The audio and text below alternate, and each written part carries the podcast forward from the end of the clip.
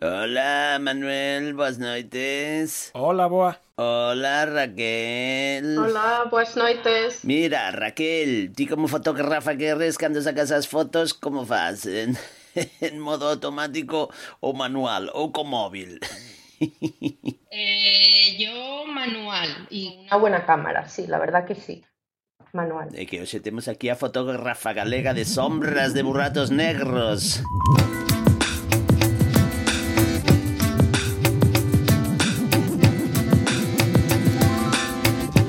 Oxe, no tempo de, da conversa en Efervesciencia esta noite contamos eh, desde outro lado da liña telefónica, desde os Países Baixos, con Raquel Fragancinas, que é investigadora do Black Hole Camp da Universidade de Radboud, nos Países Baixos. Este, este Black Hole Camp é un laboratorio, grupo de investigación do proxecto Telescopio Horizonte de Eventos, que é esta gran colaboración internacional que no ano 2019 fixo pública a primeira fotografía da sombra dun burato negro que era M87 asterisco e que agora, hai escasos días, ven de anunciar a súa segunda fotografía. A fotografía do burato negro que está no interior da nosa galaxia, que se chama Seteiro a Estrela. Raquel, non sei se nesta segunda foto vos pasou como a primeira, que tivestes que guardar o segredo durante meses e que non lle podías contar nin a familiares, nin amigos, noivos, noivas, e, e pechar as portas dos vosos eh, laboratorios cando tiñades as videoconferencias. Sí, pues la verdad que sí. De hecho, hemos tenido que mantener este secreto eh, bastante más tiempo. Porque como con M87 estos eh, datos que recopilamos para, hacer esta imagen fueron tomados en el 2017 y estamos a 2022, eh, o sea que ha sido mucho, mucho tiempo guardando el, el secreto. Y hubo también un momento de compartir os resultados das fotos, porque na primeira foto nos contaches, cando falamos contigo a primeira vez, Alán Castrelo de, de Miño, en nun Astro Galicia eh, contabas que había como catro equipos que estaban a desentrañar esa, os datos desa foto e eh, que cada un, hubo un momento que se reuniron e eh, que cada un abriron os seus portátiles, ensinaron as súas diferentes solucións da foto e viron, anda, coincide, é o mesmo. Hubo un momento similar con, con esta fotografía ou, bueno, como xa era a segunda? Sí, sí, no, y realmente eso es lo importante porque se trabaja en equipos independientes y usando distintos métodos para asegurarnos eh, que no hay sesgos eh, introducidos, digamos, por los humanos, ¿no? por nosotros como personas. Entonces, eh, sí, se, siguió un procedimiento bastante pa parecido y la foto yo ya la había visto hace tiempo, pero ha sido un trabajo que ha tardado muchos años porque realmente no solo por la complejidad, sino que nos queríamos asegurar que realmente lo que estábamos eh, publicando eh, era un trabajo muy riguroso, porque es un trabajo muy, comple muy complejo. Y de hecho, eh, cuando se hizo el primer anuncio, la, gente pensaba que la primera foto del agujero negro sería la de Sagitario A, que es nuestro Sagitario A estrella, que es nuestro agujero supermasivo, ¿no? el de la Vía Láctea. Y no fue así, fue M87. Y hay una razón muy importante de por qué ha sucedido eso. Ten que ver con que un se deixa fotografiar bastante ben, está bastante paradiño, é, é casi fotografía estática, e outro é un neno en, en. Sí, pues a mí me gusta, porque me gustan mucho los animales, un poco compararlo con, con, perros, ¿no? Digamos, Sagitario A es muchísimo menos masivo que eh, M87. ¿no? Entonces es como un cachorrito. M87 tiene, eh, la masa es 6.500 millones de masas solares. Sagitario A es solo 4 millones de masas solares. Por lo tanto, eh, el gas que orbita alrededor de Sagitario A cambia eh, a escalas de tiempo mucho más pequeñas, del orden de minutos. En el caso de M87 estrella, pueden ser eh, semanas. Entonces, esa es una, una de las razones por qué fue tan difícil procesar y obtener esta imagen, ¿no? procesar los datos. Y la segunda razón es porque eh, Mi 87 es un agujero supermasivo, pero que está en otra galaxia. Eh, M87 estrella es el agujero supermasivo que está en la galaxia M87. ¿Qué es lo que pasa? El nuestro está en la Vía Láctea y cuando hacemos las observaciones nosotros vivimos alrededor del Sol en un brazo de la espiral de la Vía Láctea y si miramos hacia el centro, estás mirando a través de todo el material del brazo espiral de la Vía Láctea que actúa como una pantalla que distorsiona tu imagen, un poco como eh, los cristales estos de las puertas, podrías pensar, de, como las puertas de los baños, que son un poco opacos, pues intenta hacer una foto de un cachorrito que se está moviendo a través de un cristal opaco mientras, o, translúcido, no completamente opaco, mientras que eh, M87 estrella es como sacarle una foto al San Bernardo que ya tiene 12 años, que está sentado en el sofá del salón y encima la puerta está abierta. El proceso en sí eh, pues ha, llevado mucho tiempo por esas razones. Pois eh, agora a pregunta a pregunta estrela da noite, a pregunta pola que eu estou aquí, a pregunta que seguramente se están facendo eh, moitos ointes eh, agora mesmo, eh, unha pregunta tipo, que hai do noso? Sí, porque moita xente, claro, é influenciada pola ciencia ficción e pola cantidade de ciencia que aprenden nas redes, porque a divulgación científica está a tope aí machacando.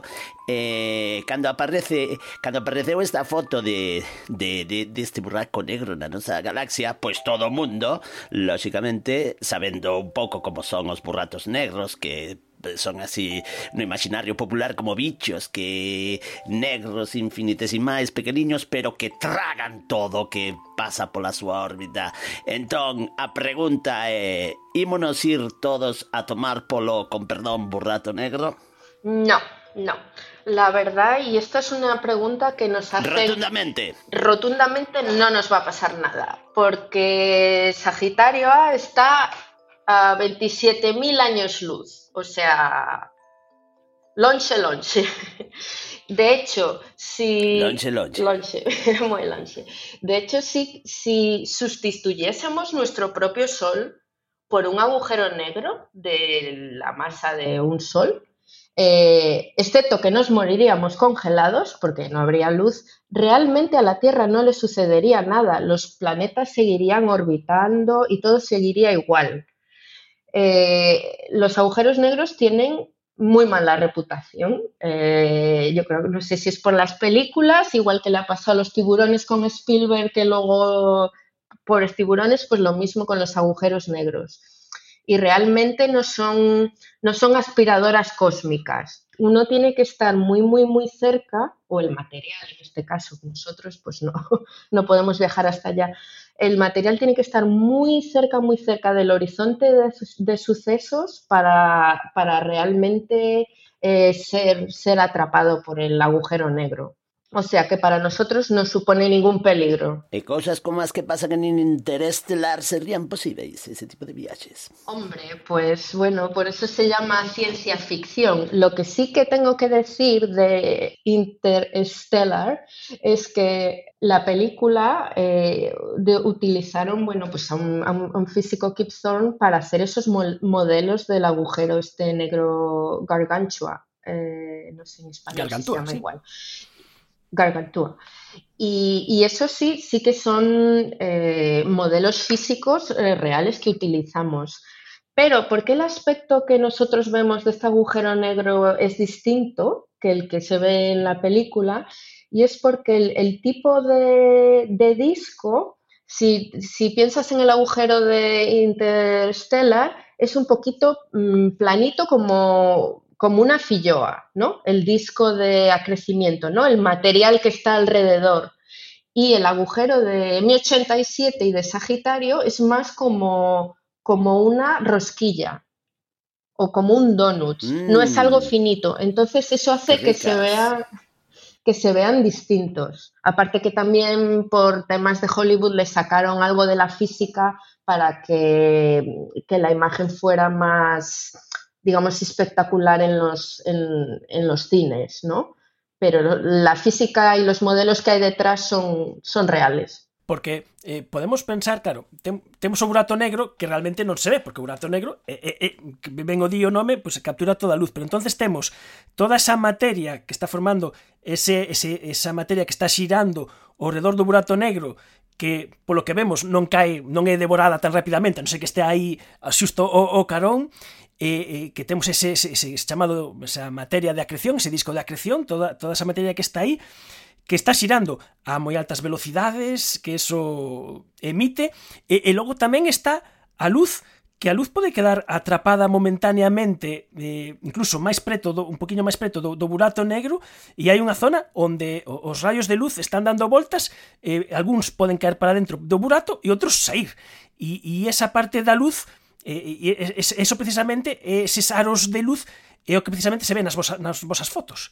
Sí, exactamente. E a mí algo que me, eh, no sé cómo decir, digamos que me causó un poco de shock en su momento cuando conseguí comprenderlo, es que eh, la relatividad eh, general de Einstein, no quiere decir que sea chunga, pero hace cosas muy raras. Y nosotros estamos acostumbrado, acostumbrados a la física de Newton y, cómo se mueven los planetas y estas cosas, pero lo que le pasa a la luz realmente es sorprendente, porque en estas fotos, en la de M87 y Sagitario A, parte del, disco y de la luz que estamos viendo, de, esa forma de donut que tiene, realmente son fotones o luz que está viniendo de detrás del agujero negro. O sea, en, algo físico de nuestro día a día, digamos, tú no puedes ver si hay un coche aparcado que hay detrás de ese coche, ¿no? Porque es algo opaco, pero con, con los agujeros negros distorsionan, eh, digamos que el tejido del espacio-tiempo, ¿no? Curvan el espacio de tal manera que los fotones ya no, no se mueven como podríamos esperar. Y a mí eso me costó mucho tiempo eh, poder entenderlo. Entonces, aunque nosotros eh, viésemos al agujero negro con otra distinta orientación, fuese desde donde fuese, siempre tendría ese aspecto de anillo, porque realmente es como estar viéndolo de todos los ángulos al mismo tiempo. Es algo bastante eh, sorprendente. Uh -huh. eh, podemos facer unha analogía que se nos vemos, por exemplo, os anéis de Saturno, dependo, dependendo de como estén orientados, pode haber orientacións no que vemos, veamos como unha coroa que envolve o planeta e noutras orientacións que este tan lateral que prácticamente, como é tan estreitiño, que non o vexamos. Pero isto, precisamente, polo que contas, non acontece cos buratos negros, que vexamos por onde o vexamos, como a, os, os, eses, eses rayos dan voltas, e podes que estás vendo cosas que estén atrás, desde as diferentes orientacións vas ver algo bastante semellante. Bastante, sí, bastante eso, semellante, bastante parecido. Y, y, lo importante de todo esto es que realmente eso es lo que Einstein predecía. ¿No? Lo que su nieto, a, de Einstein, lo que su nieto predecía, pues es lo que estamos viendo. Y para mí esta imagen, la de Sagitario A, es incluso más importante que la primera porque podrías pensar, ah, pues hemos capturado este agujero negro y M87 estrella y tiene esta pinta, ¿no? Esta apariencia. Pero es que resulta que Sagitario A parecen, parecen hermanos. Si ves las fotos una al lado de otra, realmente son muy parecidos. Y son agujeros negros muy, muy, muy distintos. Estamos hablando como de una hormiga y un elefante, algo que es millones de, veces eh, más, más masivo a distancias eh, completamente distintas, incluso los procesos físicos eh, M87 estrella pues lanza chorros relativistas de material, el agujero de nuestra galaxia está en una dieta, eh, pobrecillo, muy, una dieta pues eh, muy estricta, porque si yo fuese Sagitario Mediterránea. Mediterránea, peor, peor. Si yo fuese Sagitario A, porque en un millón de años, si yo fuese Sagitario A, me comería un grano de arroz. Eso es lo que está comiendo ese Sagitario A. A esas, comparándolo, ¿no? Con mi masa de, digamos, 65 pues, pues kilos. Perrigo ningún.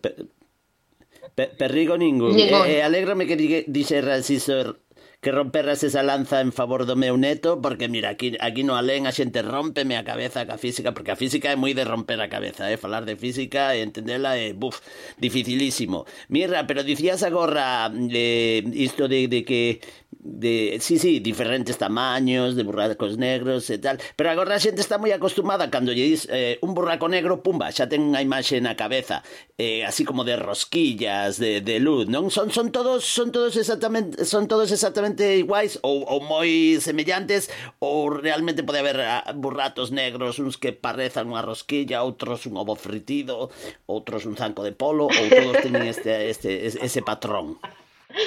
Bueno, pues lo que puedo decir es que de momento no sabemos, sabemos las predicciones de Einstein y, lo que nos dice se cumple, que es que es lo más eh, importante y lo más bonito de, estas fotos. ¿Qué es lo que pasa? Que nosotros, donde estamos en la Tierra, eh, ahora mismo no podríamos observar otros agujeros negros, ni supermasivos, ni también en nuestra propia galaxia hay agujeros más pequeñitos pero no, no podemos verlo con la tecnología que tenemos hoy en día. Los dos únicos a los que podríamos sacarle fotos, eh, M87 y Sagitario A, que tienen más o menos el tamaño mm, aparente en el cielo eh, suficientemente grande para poder sacarle la foto. Y para poder haber hecho esta foto, eh, ha, hecho falta utilizar un telescopio virtual del tamaño de la Tierra. E a cuestión tecnolóxica, que xa falamos outra vez, que eh, se utilizan eh, telescopios repartidos por, por todo o planeta eh, precisamente porque canto máis pequeno lonxano é o obxeto, máis grande necesitas que sexa o telescopio. Se crea ese telescopio virtual, eh, de feito, un dos radiotelescopios, falando con propiedade, eh, témolo en España, en Granada, eh, o, o, o telescopio de 30 metros do, do Irán, no, no, no Veleta, contribución aí española eh, moi importante, e e que precisamente cada un deses telescopios ten que estar eh, perfectamente sincronizado con reloxos atómicos para que todas esas imaxes logo se podan eh, xuntar, inferir o que falta, meter aí un montón de traballo de computación, de algoritmos, de inferencias, por eso era tan importante que comentabas ao principio, Seika, de que eh, non dar cosas por asumidas e que grupos diferentes, con metodoloxías diferentes e eh, traballos diferentes poden chegar á mesma conclusión. E claro, pero temos os límites físicos do planeta, porque onde podemos colocar outros radiotelescopios para ter un telescopio máis grande e poder ver cousas máis lonxanas e moi máis pequenas? Pues la respuesta es en la Luna y en satélites. Y ya hay planes para estas cosas. O sea que eh, eh, ya hay, hay, planes. Sí, en serio. Sí, sí, sí, sí, sí, Claro, lo que hace falta, como con todo, ah. financiación, pero sí, ya hay proyectos. Basta. Exactamente. Uh -huh. eh, para poder aumentar, digamos que el, el tamaño de nuestro radiotelescopio virtual, si aparte de las antenas que tenemos en la Tierra ponemos dos o tres en órbita alrededor de, de, de, la Tierra, eso nos permite tener líneas de base, que se llama, es como la separación entre tus dos, entre dos antenas, se llama línea de base, que es fundamental a la hora de hacer interferometría, que es la técnica que usamos para sacar estas imágenes, porque no es como un telescopio convencional donde pones tú el ojo de, detrás del telescopio, sino que utilizas pares de antenas que trabajan juntas, separadas por una distancia, unas están muy cerquitas, otras están más lejos, y eso te permite eh, cada par de antenas como recuperar un trocito de la imagen de Sagitario a estrella, por ejemplo. Entonces tú lo que quieres es muchos pares de antenas en muchas orientaciones distintas y nos aprovechamos de que eh, la naturaleza nos da la Tierra, nuestro propio planeta, que gira ¿no? sobre sí mismo rota. Entonces, si tú eres Sagitario A eh, mirando hacia la Tierra, pues la posición, por ejemplo, de la antena en eh, pico veleta y la antena de las antenas de alma en Chile, a lo largo de la noche van cambiando y la orientación igualmente. Entonces, usando esta técnica, creamos un telescopio virtual que nos ayuda a captar imágenes de cosas tan, tan, tan pequeñas eh, en el cielo, porque la gente no se hace una idea realmente de lo complejo que es esto. A veces, eh, porque ves, ves la foto y a mí me han hecho comentarios de, bueno, todo este tiempo esperando para esto y luego al final es algo como muy borroso, como me esperaba algo mejor, porque ven simulaciones y cosas así que hacemos en nuestro trabajo también para cotejar con los datos. Y esta es la imagen más vetada, revisada, y, de todo de la historia de la radioastronomía. Y el récord anterior lo tenía la imagen de M87 estrella. O sea, ahí hemos pinchado por todas partes para asegurarnos de lo que salía realmente. eh, teníamos la confianza de que esto es así, no porque queramos que sea un anillo ni nada así. Porque, eh, segundo, eh, eh as teorías do amigo Einstein, eh, eh, pois as características fundamentais dos buratos negros veñen marcados pola súa masa e a súa masa vai determinar pois eh, pois canto ocupa o burato negro e outra cuestión interesante eh, para coñecer as propiedades dos buratos negros é que, estean rotando e eh, ser capaces de, medir como esa rotación. En eso tamén andades. Sí, sí, entonces ahora pues se han hecho con la imagen, porque no es solo una foto que puedes decir una foto bonita o no, si te gusta, a mí me parece espectacular, pero no es solo la foto en sí, sino qué puedes extraer de esa imagen. Y eh, haciendo mediciones y comparándolos con modelos y simulaciones, puedes calcular qué masa tiene ese agujero negro de qué tamaño es esa sombra, realmente es del tamaño que nos dice Einstein y del tamaño que, por ejemplo, en el año 2000 ya había hecho unas predicciones Jaino Falke, que es mi supervisor, que decía que si conseguimos algún día sacar una foto de Sagitario A, va a tener estas dimensiones, la sombra. Y fue el que acuñó el término de eh, sombra del agujero negro, ya hace 22 años y realmente cuando fue, fue a verlo, pues, pues resultó que era así. Y todo esto es puramente física.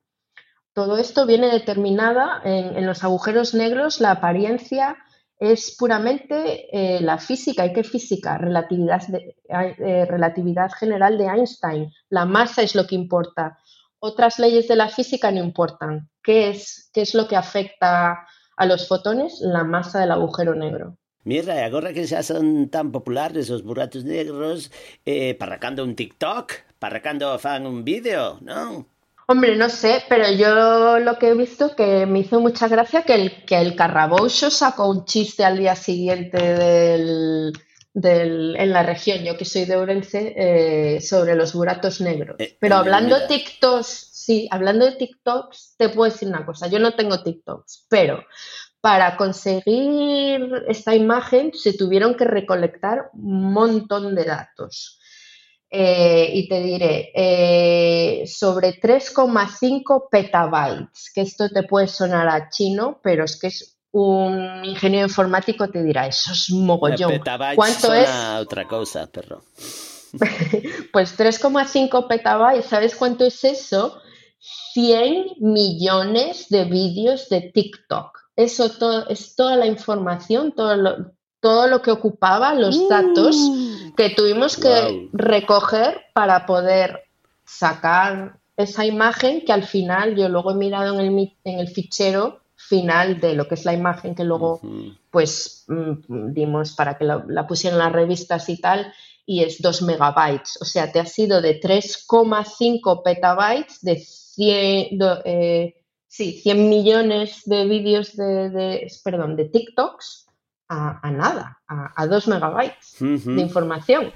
Y, otra eh, dúvida también que surge muchas veces o ver estas imágenes es que hay en eh, nese eh, donuts de, luz eh, hai unhas partes que son máis brillantes. E, eh, en M87 vese unha parte máis brillante e, sin embargo, en eh, Seteiro a estrela vense como tres partes brillantes. Isto que é? Uh -huh. Es muy buenísima pregunta. Pues mm, en el caso de M87, que, que también está muy, muy estudiada, sabemos que la parte del anillo que es mm, brillante significa que es gas que se está moviendo eh, y se está aproximando hacia nosotros a velocidades ¿no? próximas a la velocidad de la luz. Y la parte como más oscurita o más naranjita del, del donus es, gas que se está moviendo eh, en la dirección contraria, alejándose, ¿no? Entonces, ¿qué es lo que pasa con Sagitario A? Ahí se ven eh, como tres zonas brillantes. Pues la respuesta es no lo tenemos muy claro. ¿Y por qué? Pues una de las causas es, como ya explicaba antes, es porque Sagitario A es muy, muy variable. Cosas, las cosas están cambiando en el orden de minutos y tú estás haciendo las observaciones a lo largo de una noche durante muchas horas. Entonces, imagínate que estás sacando con tu cámara ahí muy guay, como yo que hago, ¿no? Fotos manuales, como me preguntaba la, la de Einstein, y, la pones como a sacar una exposición larga, pero ahí resulta que lo que está sacando la foto pues se está moviendo del orden de minutos. Ahí hay cosas que están muy cambiantes. ¿Qué es lo que hicimos para crear esta imagen? Pues realmente reconstruimos miles y miles de imágenes de Sagitario A pero miles, porque realmente son todas muy parecidas porque tú estás intentando recuperar algo, pero no tienes un telescopio perfecto. Si te acuerdas de lo que hablaba del telescopio virtual. Vale, entonces, miles y miles y miles de imágenes. ¿Qué es lo que hicimos después? De esas miles y miles de imágenes, las agrupamos según cómo eran de parecidas en distintas eh, categorías, ¿no? Que al final fueron cuatro categorías, que son mayormente anillos, pero que tienen eh, los puntitos brillantes, eh, por decirlo así, que los ves, en, en, regiones un poquito distintas, ¿no? Pero todos tienen el mismo tamaño del anillo, la misma parte oscura, la sombra, y luego la imagen final es como una media, digamos, una media de todas, de todas esas imágenes. ¿Qué es lo que necesitamos para saber realmente cuál es eh, la imagen real de Sagitario A? Pues nos van a hacer falta más observaciones que ya hemos realizado desde el 2000, estos son datos del 2017, pues durante la pandemia no observamos, pero en el 2018, en el 2021-22 se han hecho observaciones, entonces esto nos va a ayudar a estudiar más esa variabilidad y poder determinar un poco eh, dónde está realmente la parte brillante. Entonces tú la imagen que estás viendo al final, esa imagen que se ha publicado en todas partes, es como un promedio de muchas imágenes, pero todas representativas y todas eh, hechas a partir de los datos. eh, eh, temos claro que estas son eso, imaxes reais do, do burato negro de como se ve con ondas milimétricas, non estamos utilizando luz visible, isto é importante dicir que por moito ollo que poñamos nunca veremos eso, senón que unha traducción dos datos a, a imaxes, a unha imaxe que, que podemos interpretar, e, e logo, eh, polo que sei, logo hai como xa sutilezas que, que utilizades os físicos de aportar información e de ver cousas que poden parecer estéticas pero que realmente estades aportando información. Por exemplo, en M87 eh, asterisco, pois hai algunhas fotos no que hai como unha especie de, de, de pelos de ondulacións e é unha forma que tedes de indicar pois, bueno, como son aí a polarización da luz, que está relacionado cos campos magnéticos, digamos que eh, esta parte de representación artística, pero por outro lado está a información que vos aportades para seguir investigando os fenómenos que ocurren eh, pois nos barrios vecinos dos buratos negros. Sí, hay, muchísimas cosas por hacer y eso mismo que mencionas de la polarización, que es muy importante porque realmente nos ayuda a saber más sobre las propiedades del agujero negro, porque la polarización está relacionada con los campos magnéticos. Entonces, este trabajo se ha hecho para M87, ya sacar la imagen de Sagitario fue bastante completo, eh, complejo, perdón, pero el siguiente paso va a ser eh, poder sacar imágenes de, con luz polarizada de Sagitario A. Y un paso más allá será hacer vídeos, vídeos de Sagitario A, donde puedas ver, y también de M87, cómo se está moviendo ese gas en tiempo real. A lo mejor observar durante pues 100, 200 días y, ver cómo va eh, ese gas rotando alrededor del agujero negro.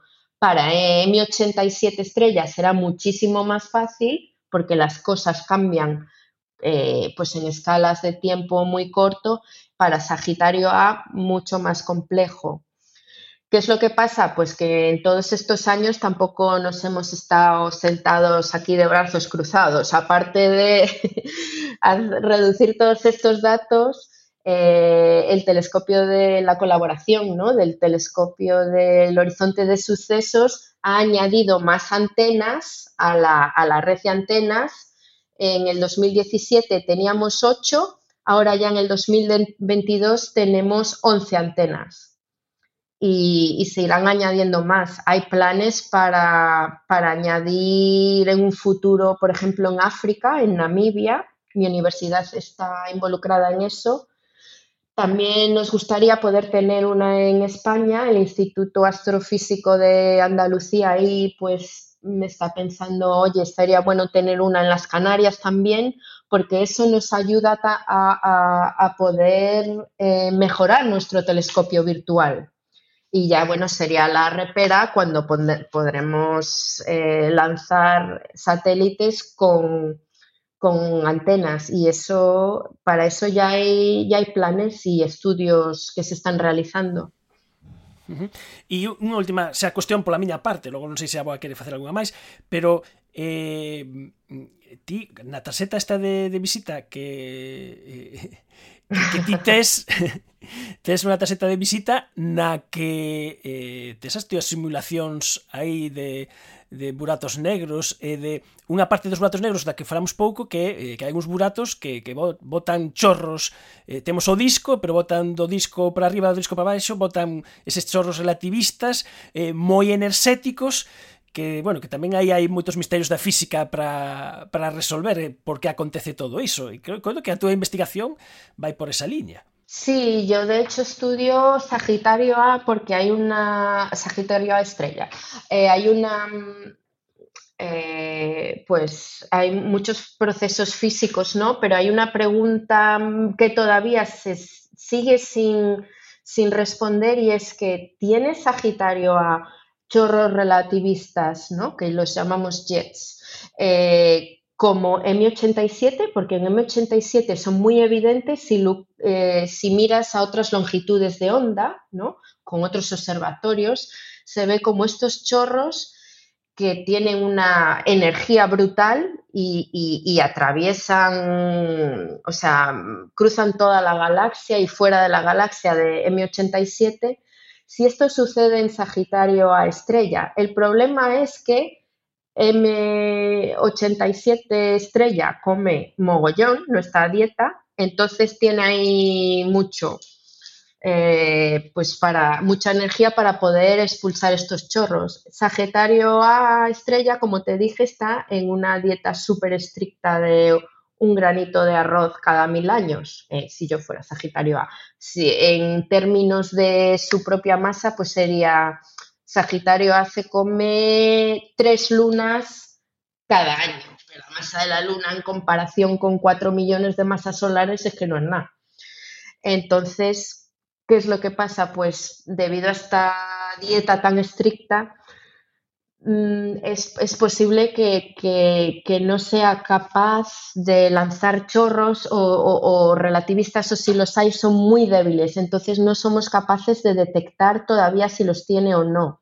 Entonces hay mucho trabajo detrás de todo esto. Yo realizo observaciones y también simulaciones para investigar si realmente tiene o ha tenido chorros en, un pasado y a qué se deben estos procesos eh, físicos. Cantas cousiñas. Mira, pois antes que falar falábamos de Interestelar, non non imos volver, volver eh, sobre esa peli, ou oh, sí, pero claro, eu quería preguntarte, mm, bueno, que nos fixeras algunha recomendación, pois de cine, literatura, música, que, que bueno, que nos pode ilustrar algo máis sobre este tema ou sobre calquera outro tema que a ti che apeteza, ou mellor hai algo que liches ou biches últimamente que che emocionou moitísimo, non ten nada que ver cos burratos negros e apetece che dicilo, pois veña, é o teu momento. Mm, ya, pues del cine, del cine, por el corona hace mucho que, que realmente que no voy. Es que no sé qué hay en las carteleras, pero eh, a ver, de Doctor música. Strange. Ay, vaya, sí, soy muy fan de Marvel. Oye. Pues, pues fíjate. Eh, lo que xa sí... falaremos outro día. Ah, tamén, tamén. Eh, lo que sí te puedo decir que algo muy, bueno, gracioso, no, no gracioso, pero algo guay que hicieron eh, en la rueda de prensa de, del European Southern Observatory es que se trajeron a los de Arcade Fire para que tocasen algo de música eh, para amenizar después de la rueda de, prensa, que digo yo, wow, cómo han conseguido convencerlos, pero les parecía, no sé, algo eh, bastante interesante lo del agujero negro. Y, a muchos de nuestra propia colaboración como que les pareció casi tan, tan guay lo de sacar esta foto como que, que esta gente tocase música, ¿no? para el, para el evento. Estes son algúns dos detalles que se poden contar e, e entender desta nova disciplina que é a fotografía das sombras dos, dos buratos negros que xa ten a súa segunda foto que probablemente, polo que nos estivo a contar eh, Raquel Fragancinas, han de vir mellores fotos con máis detalles, con maior resolución, vídeos, quizáis, e, e non só eh, polo mérito de conseguir ter unha colaboración internacional que utilizando a tecnoloxía extrema consigue facer unhas fotos dunha beleza insuperable, senón que permiten, por outro lado, eh, aprender e responder preguntas sobre estes fenómenos tan extremos que son os buratos negros. Que hai que dicir que cando en 2020 eh, o Comité Nobel deu o Premio Nobel a Andrea Ghez e eh, Reinald Genzel eh, polo descubrimento precisamente dese superburato no, no, no, no centro da nosa galaxia, o Comité Nobel decía moi prudentemente por descubrir un obxecto eh, supermasivo no interior da galaxia. Non dicía que era burato negro, porque Bueno, podría haber outras posibilidades, pero agora que xa temos a foto, xa podemos dicir que sí, que o que hai aí dentro é un oseto supermasivo e concorda como son as fotos dos buratos negros. E todo isto os, os soubemos por esta colaboración internacional que é o telescopio evento de sucesos no que equipo no que desde os Países Baixos traballa Raquel. Raquel, moitísimas grazas por atender a chamada de, de efervesciencia. Gracias a vosotros. Pois nada, a ver si pillo por aí un algún móvil con mogollón de petabytes. Recuerdos al nieto. Somos moi fans. Ah, sí, sí. Sí, el, el, el é moi petabyte tamén.